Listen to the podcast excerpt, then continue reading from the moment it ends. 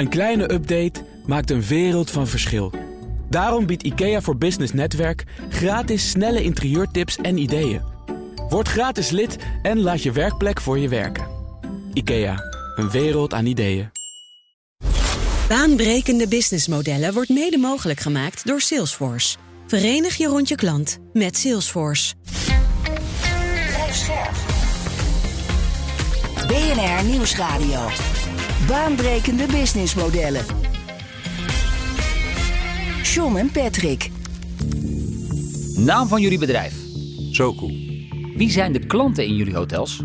Het zijn uh, internationale corporates of scale-ups in tech, retail, consultancy of creatieve industrie.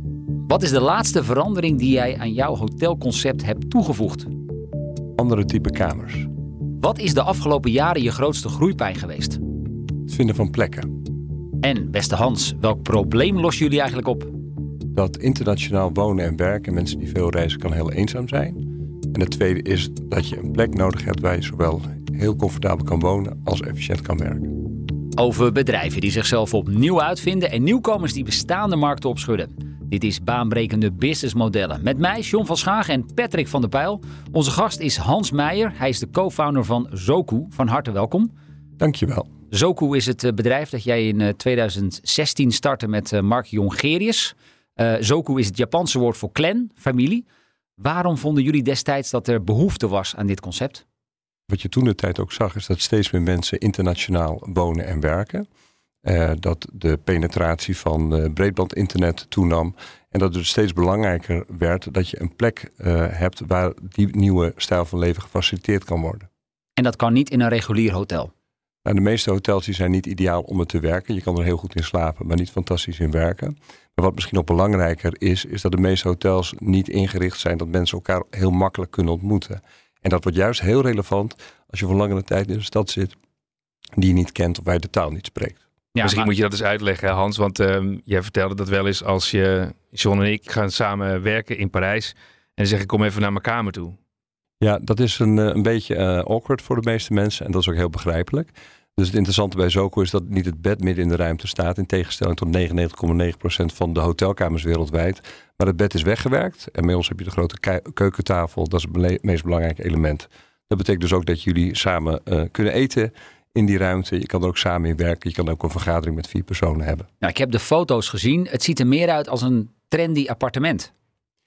Ja, het heeft ook niet zoveel met een uh, hotelkamer uh, te maken. We zijn ook ooit begonnen om met 150 mensen uit de doelgroep te praten. We hebben niet direct gevraagd wat wil je, want de meeste mensen weten het niet, maar die weten wel heel goed wat ze frustreert als ze internationaal wonen en werken. En dat is? Nou, dat is inderdaad dat, ook, dat je ook af en toe mensen in je eigen ruimte wil kunnen uitnodigen zonder dat het vreemd voelt. Het is toch je eigen space. En zeker als je voor langere tijd weg bent, dan wil je niet alleen maar in de lobby zitten of op je hotelkamer. Um, jullie richten je heel erg op hè, die medewerkers van die, uh, van die corporates, die internationale start-ups en scale-ups, die dus hun medewerker uh, een poosje in het buitenland uh, moeten laten vertoeven. Um, ja, Fletcher richt zich ook op de zakelijke reiziger. Hè? Die hebben ook wifi, die hebben ook een goed ontbijt. Ja, dat klopt. En ik denk dat heel veel hotels die richten zich op de zakelijke reiziger. Ik denk wat bij ons anders is, is dat je bij Zoku, wat ik al zei, in de Zoku Loft ongelooflijk goed kan werken. En dat is eigenlijk, uh, in de meeste hotelkamers kan dat niet goed. Maar wat veel belangrijker is, onze social spaces, die zijn helemaal ingericht dat mensen elkaar makkelijk kunnen ontmoeten. En er is ook een coworking concept geïntegreerd in die ruimtes. Dus alles wat te maken heeft met werken, verblijven en zorgen dat je snel je zakelijke en persoonlijke netwerk op kan bouwen. Dat is wat we doen. En dat gaat veel verder dan putting a head in a bed, wat het traditionele businessmodel is van een hotel. Het is meer dan alleen maar een simpele lobby waar mensen misschien elkaar een keertje ontmoeten. Jullie, jullie faciliteren dat ook echt.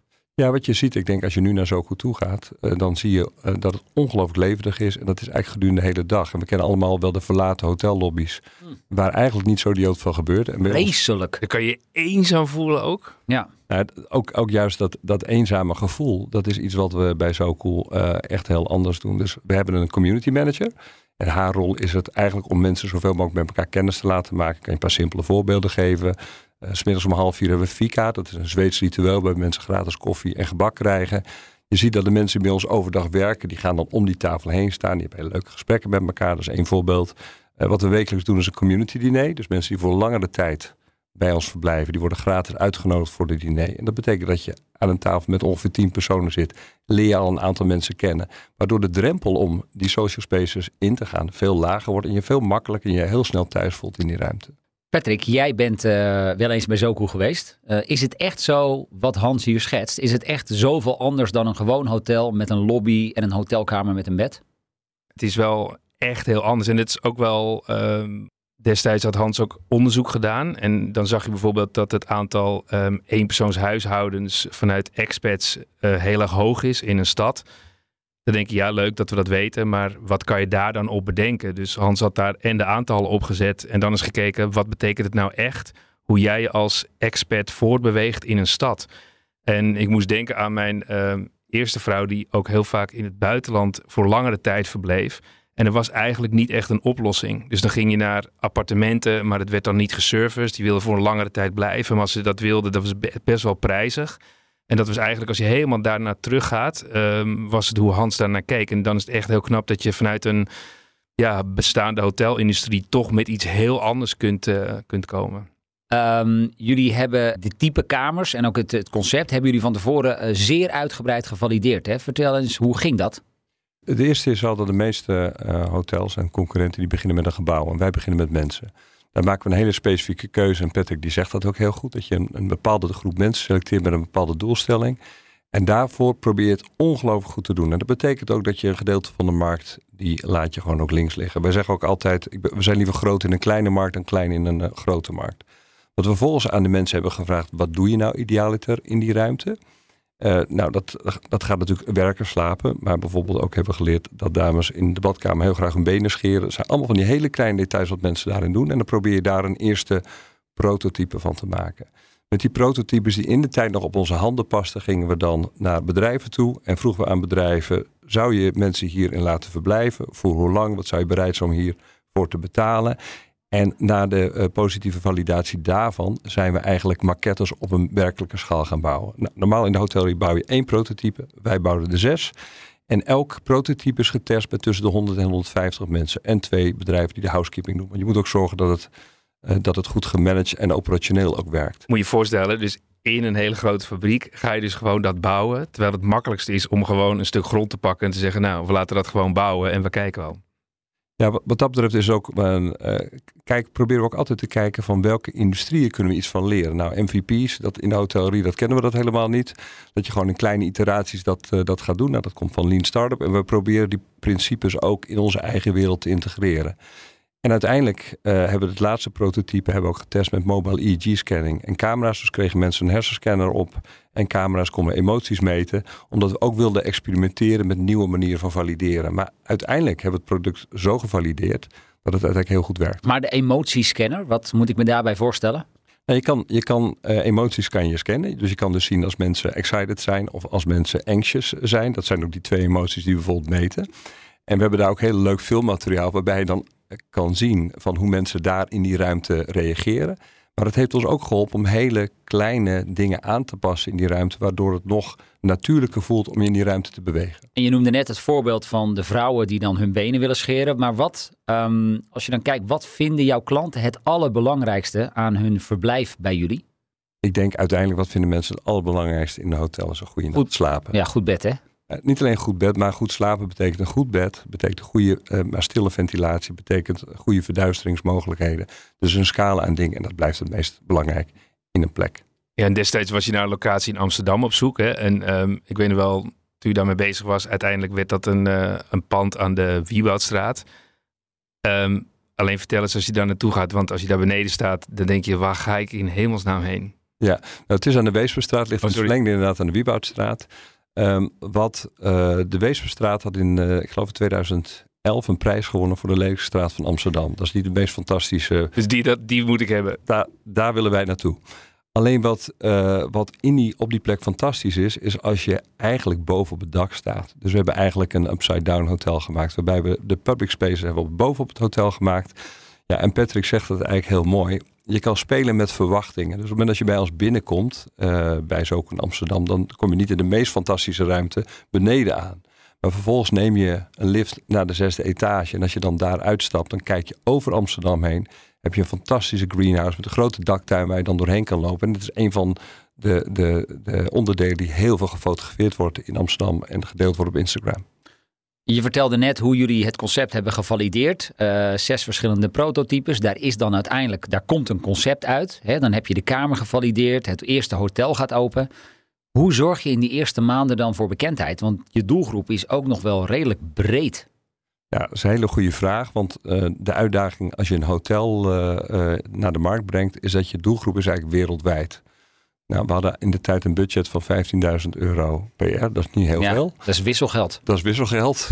Uh, maar die een, uh, wat we daarmee gedaan hebben, is dat we eigenlijk een. Um, we hebben een filmpje gemaakt rondom the end of the hotel room as we know it. En eigenlijk het hele idee daarvan was eigenlijk ook heel simpel. Niet het bed midden in de ruimte, maar iets anders en het bed wegwerken.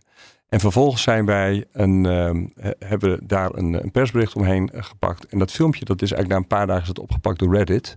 En toen werd het opeens een stuk groter. En toen werden we uitgenodigd voor de Radical Innovation Award in New York. Die wonnen we. En vervolgens is het eigenlijk het hele treintje gaan lopen. Dus eigenlijk wat we geleerd hebben, daar, als, je, als je een goed verhaal hebt. En in deze tijd van internet kan je met relatief weinig geld kan je heel veel bekendheid uh, krijgen. Maar Hans was ook een beetje een downside. Want ik kan me nog herinneren dat naar aanleiding daarvan ook anderen dachten: hey, dat concept snap ik ook. Dus je zag best wel kopieën of dingen voorbij komen. Wat heeft dat met je gedaan? Uh, nou, daar kan je op twee manieren naar kijken. Er is één eh, hotel in China bijvoorbeeld. Nou, als je naar de kamer is, identiek onze kamer. Je kan op twee manieren kijken. Je kan zeggen van, nou, ik vind het heel vervelend. Je kan zeggen, het is ook een compliment. Dat blijkbaar mensen zeggen, dit zit heel goed in elkaar. Daarbij zeg ik ook altijd, je kan een product wel kopiëren, maar dat is nog niet de ziel. En nog niet de ziel van een merk. En bij Zoku gaat het veel meer dan alleen die loft. Het is vaak wat mensen op de social spaces zeggen, is dat ze het heel moeilijk vinden om te omschrijven. Want het gaat ja, je krijgt dat soort woorden als vibe of de sfeer. Uh, dat zijn heel belangrijke onderdelen. Die zijn niet zo makkelijk te kopiëren. Dat is ook heel erg cultuur en mensen gerelateerd. BNR Nieuwsradio. Baanbrekende businessmodellen. Met deze keer het verhaal over Zoku. Zometeen meer, maar nu eerst weer een ander businessmodel in de spotlights. En dat doen we deze keer met Rutger Prent van Scale Up Company. En hij wil het hebben over... IJskoud. En die firma is actief in de koeltechniek. Uh, rijden langs alle uh, kroegen, bij wijze van spreken, van Nederland. om daar rode leidingen goed uh, en koel en schoon te houden. Maar daarnaast zijn ze ook actief in de medische sector, in de koelsystemen van academische ziekenhuizen en alles wat daar tussenin zit. En een van de grote uitdagingen waar zij mee zitten is een tekort aan kundig personeel. Nu hebben ze weliswaar een eigen academy, maar ze tackelen dit probleem ook nog op een andere manier. En dat is. Op basis van data eigenlijk kunnen voorspellen wanneer een apparaat bepaalde uh, onderhoud nodig heeft. Of bepaalde uh, systemen aangepakt moeten worden. Of dat er een ventieltje voordat het kapot gaat hersteld of vervangen moet worden. En waarom is dat interessant? Is omdat je daardoor natuurlijk uh, sowieso uptime hebt van je systemen. Dus dat is fantastisch voor de klant. Maar zeker ook in de medische sector kan je je voorstellen dat een niet werkende koeling echt tot grote uh, problemen kan, uh, kan leiden. Als dat dan toch gebeurt, dan moet er op stel en sprong een monteur komen. En die zijn er wel, maar dat zijn kostbare uren. Dus wat doet ijskoud? Voorspellen wanneer onderhoud nodig is en van afstand bepalen of een installatie optimaal functioneert. En dat blijkt zeer effectief, onder meer bij het besparen van personeelsuren. Het bedrijf heeft inmiddels een spin-off opgetuigd, Friese Data. Een platform dat deze technologie ook voor andere spelers in de sector beschikbaar wil stellen. En dat je daarmee eigenlijk in plaats van concurrenten het hebt over partners. Dus dit is ook een propositie die voor collega's heel relevant is. En dat is super waardevol voor die bedrijven, omdat er uh, tekort aan personeel is en er eigenlijk veel vaker nee gezegd moet worden aan de telefoon dan ja. Er kunnen gewoon niet meer klanten geholpen worden, simpelweg omdat er geen personeel voor handen is. Meerdere vliegen in één klap dus. Het leidt tot minder energiekosten en een hogere uptime. Maar het zorgt er vooral voor dat we de geringe arbeidskrachten die we hebben op het gebied van, in dit geval koeltechniek, gewoon optimaal kunnen inzetten. We kunnen veel efficiënter bepalen wanneer moet je waar langs. En op basis van data kunnen we misschien ook wel uitlezen dat er eigenlijk helemaal geen probleem is. Dus we hoeven niet langs te komen. Rutger Prent was dat van Scale Up Company. Wij praten verder met eh, Hans Meijer. Hij is de co-founder van Zoku. Uh, inmiddels vier vestigingen: Amsterdam, Wenen, Kopenhagen en Parijs. Um, hoe belangrijk is locatie in het businessmodel van een hotel? Want ik heb wel eens iemand uit de branche horen zeggen, dat is alles bepalend. Nou, locatie is uh, voor ons belangrijk. Het is niet alles bepalend, maar een locatie moet wel heel goed bereikbaar zijn. Moet een beetje tussen de restaurants liggen en dergelijke. Je hoeft niet op Fifth Avenue te zitten of in de Kalverstraat. Maar het is wel belangrijk dat een plek goed bereikbaar is. Zeker voor ons type concept. En dan is het belangrijk dat het in de buurt van je doelgroep ligt. Dus op het moment als er helemaal geen bedrijven omheen liggen die binnen onze doelgroep passen, dan is het voor ons niet de beste plek. Maar zou je bijvoorbeeld ook op de Zuidas een vestiging kunnen openen? Ja, de Zuidas ook prima kunnen. Ja. Het vinden van nieuwe locaties is tegelijkertijd wel jullie grootste groeipijn. Ja, dat is vaak de grootste uitdaging. Dat komt ook door de afgelopen jaren toen het economisch heel goed ging in Europa. Uh, dan kijkt een ontwikkelaar of een investeerder, wat is nou de highest and best use van een bepaalde locatie. En dan blijkt tot dat kantoren het meest interessant waren. Soms zelfs wonen. Daarnaast is de concurrentie in de hotellerie is ook uh, best groot. Dus het is net wie wil er het meeste betalen. Nou, dat betekent dat op het moment dat er veel andere partijen op de markt zijn, dat je daarmee concurreert. Dus dat was eigenlijk nog niet zo makkelijk. Um, en ja, wat, je dwingt je ook om je concept eigenlijk continu aan te passen en te verbeteren. Om te zorgen dat je ook concurrerend blijft. Niet alleen voor je eindklant, want we hebben een ongelooflijk goed product wat ook uh, omarmd is door de doelgroep. En ook in die vier steden heeft zich dat inmiddels bewezen. Maar je moet ook heel aantrekkelijk zijn voor investeerders en vastgoedontwikkelaars. Want Hans, ik merk dat in die hele reis, wat ik uh, van afstand heb kunnen volgen, dat je altijd heel geduldig was. Dus vanaf de eerste workshop zei je nou, drie tot vijf jaar, reken dat maar. En ik kan me ook nog herinneren dat jij een locatie hebt bekeken in Amsterdam-Zuid. En dat je zegt, nou, nee, dat past niet. Nee, we, zijn wel ook in het begin, uh, ben je ook een merk aan het bouwen. Dat betekent dat je best heel streng bent uh, met welke plekken wel en welke plekken niet. Dat kan je iets meer loslaten op het moment als je je product inmiddels bewezen hebt, de mensen je kennen. Waardoor mensen ook bereid zijn om één of twee kilometer extra voor je te reizen of vijf minuten langer in de metro te zitten. Uh, maar we zijn, nu wel een, uh, we zijn nu wel verder. En dat betekent ook dat we in vier Europese uh, hoofdsteden het concept inmiddels bewezen hebben. Als je gaat kijken naar de grotere trends, zowel op het gebied van de hotellerie als het gebied van werk en kantoren, passen we daar heel goed in. Dus strategisch staat ook heel goed gepositioneerd om te gaan groeien. En als je um, onder de motorkap kijkt, financieel, en je gaat een hotel beginnen, waar moet je dan rekening mee houden? Want je hebt een stuk uh, nou ja, voorbereiding, maar ook zeg maar een stuk uh, vastgoed en dan een exploitatie. Hoe kan je wat, wat, wat inzicht geven voor luisteraars? Nou, het nadeel van een, uh, een hotelketen beginnen is dat het super kapitaalintensief is. Je kan niet zeggen ik begin met één kamer en daarna ga ik het, uit, ga ik het uitbreiden drie of vier. Het is niet zo dat je 100.000 euro ophaalt, dan heb je seed money en dan kom je, kan je een tijdje mee vooruit tot een MVP. Dit is meteen een soort alles of niets uh, spel. Dus op het moment als je de keuze maakt, we gaan een hotel bouwen, we gaan investeren, dan gaat het vaak om ook miljoenen. En dat betekent dat je ja, een onbewezen concept, nieuw concept, uh, dat kost altijd wat meer tijd om daar de financiering ook voor, uh, voor, voor rond te krijgen. Maar uiteindelijk ja, moet je bereid zijn om die, die stappen te nemen.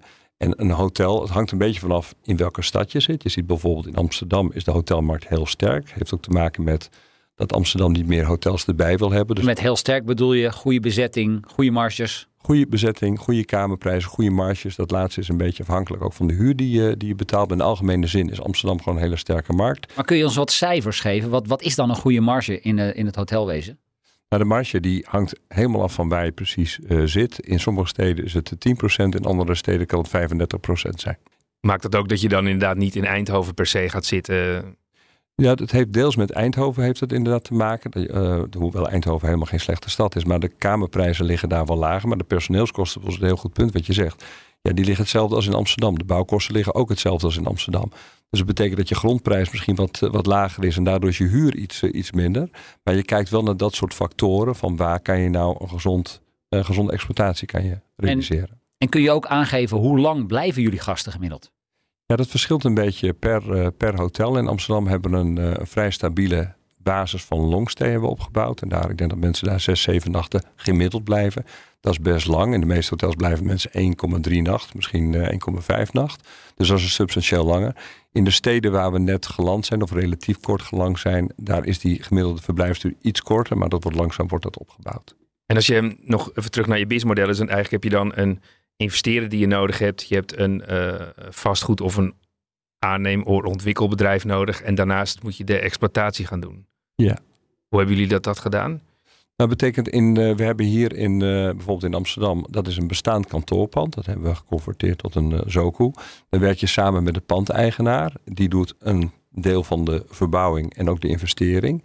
Wij doen een deel van de fit-out, heet dat, dus de inrichting als het ware. En wij betalen gewoon daar een huur over, over het pand. En dat je van tevoren als je naar de gemiddelde kamerbezetting kijkt en, en hoe je dit ging organiseren, wat, uh, als je dat vanaf papier zou doen, waar moet je dan uh, je lat leggen in percentage van bezetting van kamers? Dat je zegt van hé, hey, dit moeten we kunnen halen. Nou, dat verschilt een beetje, maar wat je meestal, en, laat ik het zo zeggen, als je in een stad als Amsterdam en, en niet uh, boven de 75% kan begroten, dat is dan wel heel, heel lastig. Ik bedoel, Amsterdam is een ongelooflijk sterke stad. In andere steden kan dat iets, iets lager zijn. Dus het vervelende is een beetje, je kan er eigenlijk niet een één metric over afspreken. Want het is zo afhankelijk van de plek, van, van de lokale hotelmarkt. En van ook de kosten die je in zo'n markt hebt. Ik zit wel eens uh, prijzen bij te houden zeg maar in de stad. En dan kijk ik naar Hotel Arena. En het was zeg maar toen net na corona was het zeg maar 120 euro per nacht. En nu diezelfde kamer gaat naar 270. Kun je eens uitleggen hoe dat werkt met die pricing? Want soms is dat heel erg lastig om daar gevoel bij te krijgen. Natuurlijk is het vraag en aanbod. Um, maar hoe doen jullie dat zelf bij, uh, bij Zoku? Nou, dat, eh, de, manier waarop we dat doen, dat komt eigenlijk uit de, uit de luchtvaart. Uh, dat is gewoon revenue management. We hebben een bedrijf in Barcelona die scant op dagelijkse basis al die prijzen in die verschillende markten. Die kijkt wat de markt doet. En op basis da daarvan krijgen wij feedback en bepalen we onze, onze prijzen. En die gaan voor een groot gedeelte gaan die natuurlijk rondom vraag en aanbod. Dan hebben wij ook nog het voordeel dat de meeste hotels hebben één markt. Bijvoorbeeld als je een normaal hotel bent, dan blijven mensen nou gemiddeld 1,3 nacht. Wij hebben hotelstay, dus uh, eh, 1 tot 4 nachten. We hebben shortstay, 5 tot 27 nachten. En longstay is langer. En dat betekent dat je in bepaalde periodes van het jaar kan je schuiven met die verschillende segmenten. Waardoor je eigenlijk je business mix kan optimaliseren. En een prijs voor een kamer is gemiddeld? Dat kan ik dus bijna niet nee. zeggen. We zeggen dus voor kort verblijf. Maar stel ik wil vijf nachten verblijven. Wat betaal je dan gemiddeld? Ik denk dat je in, uh, in Amsterdam, uh, als je vijf nachten, kan je zo 1000 euro kwijt zijn. Als je in Wenen zit, kan je zomaar voor 500 euro kan je kwijt zijn. Ja, die verschillen zijn groot. Die verschillen zijn groot en dat hangt ook heel erg af van het moment wanneer je boekt. En wie betaalt dat bonnetje? Is dat het bedrijf dat de medewerker uh, naar die stad stuurt? Of zijn dat vaak mensen zelf? Meestal is het het bedrijf wat de mensen naar die steden stuurt. Soms zijn je hebt tegenwoordig heel veel self-employed professionals die wonen en werken internationaal, die bepalen dat, betalen het zelf. En we hebben natuurlijk ook, hoewel we ons primair richten op de zakelijke markt, hebben we een stuk leisure en daar betalen mensen het ook zelf. En hoe zie je dat met uh, bijvoorbeeld platformen als Booking.com? Want ik merk zelf wel eens, ik boek heel veel en ik reis heel veel en toch merk je dat je dan toch bij Booking blijft. Dat je, oh, is gewoon één interface, is allemaal makkelijk. Um, hoe zit dat bij jullie? Hoe kijk je daarnaar? Nou, je kijkt er natuurlijk aan, want je kijkt eigenlijk naar je cost of acquisition van een kamer. Dus hoeveel kost het nou specifiek om een kamer te verkopen? Je kan bijvoorbeeld zeggen dat longstay heb je een lagere rate dan bijvoorbeeld die je op Booking vindt. Maar omdat je die mensen vaak direct uh, bij je boeken, omdat je echt een persoonlijke relatie met ze hebt opgebouwd, kan dat toch heel voordelig zijn. Dus uh, Booking, en we noemen dat OTA's, online travel agencies, die zijn heel sterk uh, wereldwijd. Uh, ze, hebben ook een, uh, ze zorgen ook voor een substantieel stukje bezetting. Maar tegelijkertijd uh, betaal je daar ook aanzienlijk voor. En voor sommige hotels die daar enorm van afhankelijk zijn, ja, kunnen die bedragen enorm oplopen. Maar dat heb je wel zo voor 15, 20 procent? De, com de, commissies zijn vaak tussen de 15 en de 18 procent. Dus dat is substantieel. Ja, ik heb begrepen dat er soms een werkgever is die een hele vestiging bij jou afhuurt. Ja, we hebben in, dat, dat, dat is ook wel interessant, dat, dat hadden we vijf jaar geleden ook niet. We hebben allemaal een beetje geleerd dat je overal kan werken. Dat doen we met een mooi woord, work from anywhere. En wat je nu ziet is dat bedrijven daar meer mee experimenteren. Bijvoorbeeld, er zijn heel veel bedrijven die hebben remote teams. Die mensen werken volledig remote. Maar die hebben ook geleerd, ja, het is wel belangrijk om die mensen periodiek bij elkaar te komen. Dus die werken bijvoorbeeld zes weken remote en daarna zitten ze een week bij elkaar of vijf dagen bij elkaar om samen te werken, weer een beetje te socializen, te verbinden, te alignen. Dat zijn allemaal van die onderdelen. En we hadden in februari hadden we een, eh, een bedrijf, een, eh, een Zweeds techbedrijf, die zeiden tegen ons: we willen eigenlijk met ons hele team work from anywhere doen. Dus we gaan het kantoor in Stockholm gaan we gewoon dicht, uh, dicht doen. En die zijn met hun hele uh, ja, staf, hebben ze het hele hotel afgehuurd voor een volledige maand. In Wenen was dat, hè? In Wenen, ja. Wat voor ons natuurlijk een fantastisch experiment was. Want we, we hebben ook gezegd, we willen hiervan leren. We willen kijken hoe gedraagt dat die plek zich nou als werkplek. En ja, het was fantastisch om te zien, want we hebben ze ook de ruimte en de vrijheid gegeven om doe wat je uh, wil om het, uh, om het aan te passen. Dus op een gegeven moment hingen de, de schermen waar je uh, presentaties op hangt hingen aan de afzuigingsinstallatie in de, in de keuken. Dus aan, de, aan de, de afzuigkap. Maar het was heel interessant om dat te zien. En het was natuurlijk super voor die mensen om mee te maken. Want het betekent dat je uit je routine met z'n allen een maand lang in een andere stad zit en die stad echt lid kennen. Een maand? Wow. Dus geen offsite van twee dagen even nee. bij Hans langs. Dit is echt hardcore. Ja. Um, dit heeft zich nu bewezen. Dit heb je nu in vier verschillende steden. Je zegt locaties vinden is lastig. Even uh, een soort experimentje met je doen. Zou je dit concept ook kunnen uitrollen binnen bedrijven zelf? Dat een hele grote corporate zegt: we gaan onze bovenste twee verdiepingen gaan we een soort zoku uh, concept van maken. En wij laten daar medewerkers uit de hele wereld die voor ons werken, laten wij daar komen. Ja, nou, ik denk dat eigenlijk wij, uh, waar we achter zijn gekomen, is dat we zien dat de wereld van kantoren verandert. Dus waar, waar vroeger de werkfabriek, waar je acht uur achter je laptop zat, dat gaat weg. We zien dat die, het kantoor steeds meer een sociale plek gaat worden. Uh, en wat we ook zien is dat mensen misschien niet meer specifiek in die stad wonen, maar uh, wat verder van die stad weg gaan wonen, omdat de huizenprijzen daar goedkoper zijn. Wel twee, drie dagen in de week uh, naar kantoor zouden willen komen, maar het liefst daar zouden willen slapen. We zien dat dit soort bedrijven jij het oh, over ja. hebt, die besteden heel veel tijd en energie aan learning development. Dat mensen twee, drie dagen zitten. Die hebben misschien dit soort remote teams, waarbij ze mensen ook regelmatig samenkomen. Die willen misschien mensen laten onboorden een maand en ze laten onderdompelen in de bedrijfscultuur. Dus wat wij zien gebeuren is dat bedrijven ervoor zullen gaan kiezen om eigenlijk een hybride te maken tussen bijvoorbeeld een Zoku en een kantoor en die twee concepten in elkaar uh, te schuiven. Ja, dan krijg je een soort hotel-kantoor concept. Ja. Je ziet ook hoe moeilijk het is om bij de echt grote corporates mensen weer naar kantoor te krijgen. Dus bijvoorbeeld bij een eh, ING hebben ze vrijdag het kantoor dicht. Uh, sprak laatst iemand bij Volkswagen in München. Die zei ja, dan dwingen iedereen naar kantoor te komen. Zitten ze achter schermen met elkaar te praten op kantoor. Dus het is buitengewoon lastig. Dus het zou inderdaad helemaal niet zo gek zijn. Ja, uh, dus het zou ook niet alleen voor internationale medewerkers iets kunnen zijn, maar ook voor mensen die bijvoorbeeld wat je schetst, hè, in Groningen wonen en dan drie dagen of twee dagen in de week naar Amsterdam komen, dan niet in een apart hotel hoeven te zitten, maar dat gewoon bij het bedrijf kunnen doen. En dat zien ze dan als een soort tweede huis slash werkplek. Ja, en als je dan nog even verder denkt, dan wordt het nog een stuk interessanter. Want uh, voor corona werden kantoren ongeveer 60% van de tijd gebruikt. Maar dat werd gemeten gedurende 40 uur in de week. Als je dat extrapoleert naar 168 uur in de week, is dat 15%. Na corona zitten we gemiddeld onder de 10%. Dat betekent dat 90% van de tijd kantoorruimte niet gebruikt wordt. Ons model als hotel, wij zijn gewend om ruimtes per dag te verhuren. Dus waar je zelfs nog aan kan denken, is dat een bedrijf die huurt bijvoorbeeld op dinsdag, woensdag en donderdag die ruimte. Men geeft het op maandag en vrijdag aan ons terug. En dan kunnen we het tegen een lagere prijs bijvoorbeeld uitverhuren aan mensen die in de omgeving zitten. Waardoor ze hun eigen vastgoed kunnen afstoten, feitelijk. Ze, kunnen, ze zijn veel flexibeler. Ze hebben een veel hoogwaardiger product. En ook vanuit CSR uh, eh, is het natuurlijk niet meer, uh, het is totaal niet duurzaam om ruimte zo weinig, zo inefficiënt te gebruiken. Maar is dit een idee wat jij hebt of is dit ook al iets wat uit de markt komt? Krijg jij al concrete vragen hiervoor? Nou, de, de vragen beginnen te komen, omdat veel bedrijven nu eigenlijk ook geconfronteerd worden met dat mensen bijna niet meer naar kantoor gaan. Die zoeken daar een oplossing voor. Uh, dus het probleem is duidelijk en wij proberen dus aan die oplossing uh, te gaan werken. En sinds september zijn we dit gaan valideren. Dus we zijn naar uh, Silicon Valley geweest, hebben daar een hele delegatie van Google gesproken, een, een groot aantal bedrijven hier in, in Nederland en West-Europa ook.